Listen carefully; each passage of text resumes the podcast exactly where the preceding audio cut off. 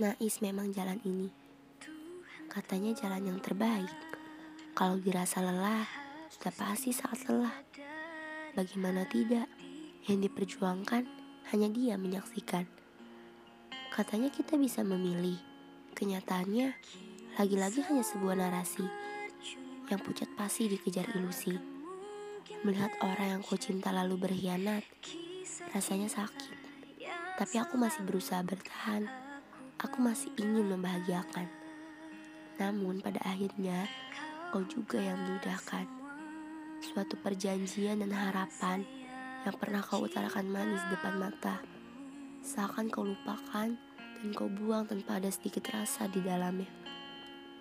Dari aku untuk kita yang telah usai. Hai, apa kabar? Lama ya tidak berkabar. Setelah peperangan malam itu, kita memilih menyudahinya makna kita tak lagi berpihak untuk aku dan kamu. Kita yang dulu seperti pondasi bangunan kokoh, kini dipaksa rubuh oleh pemiliknya.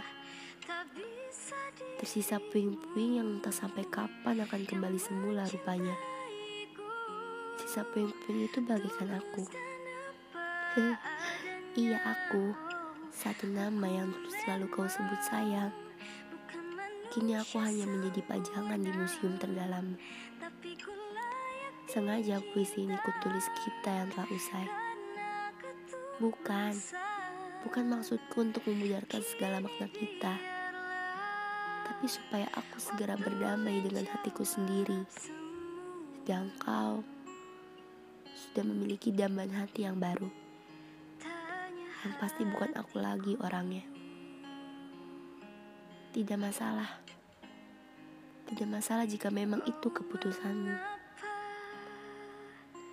Mungkin menyisakan dadaku hingga rongga-rongga tulangku pun ikut merasakan patah jadi-jadinya. Kini tak akan lagi kupaksakan dirimu untuk terus denganku. Tak akan lagi menyebut namamu dalam sujudku. Bukan karena aku sudah tidak mencintaimu, tapi karena aku percaya keputusan semesta adalah yang terbaik untuk kita, untuk aku dan kamu. Terima kasih ya sudah hadir dan sempat menjadi mimpi-mimpi nyataku yang ternyata semesta paksa berhenti. Aku tidak menyisakan itu. Aku tidak menyisakan pertemuan kita, bahkan perpisahan kita terakhir. Aku pamit.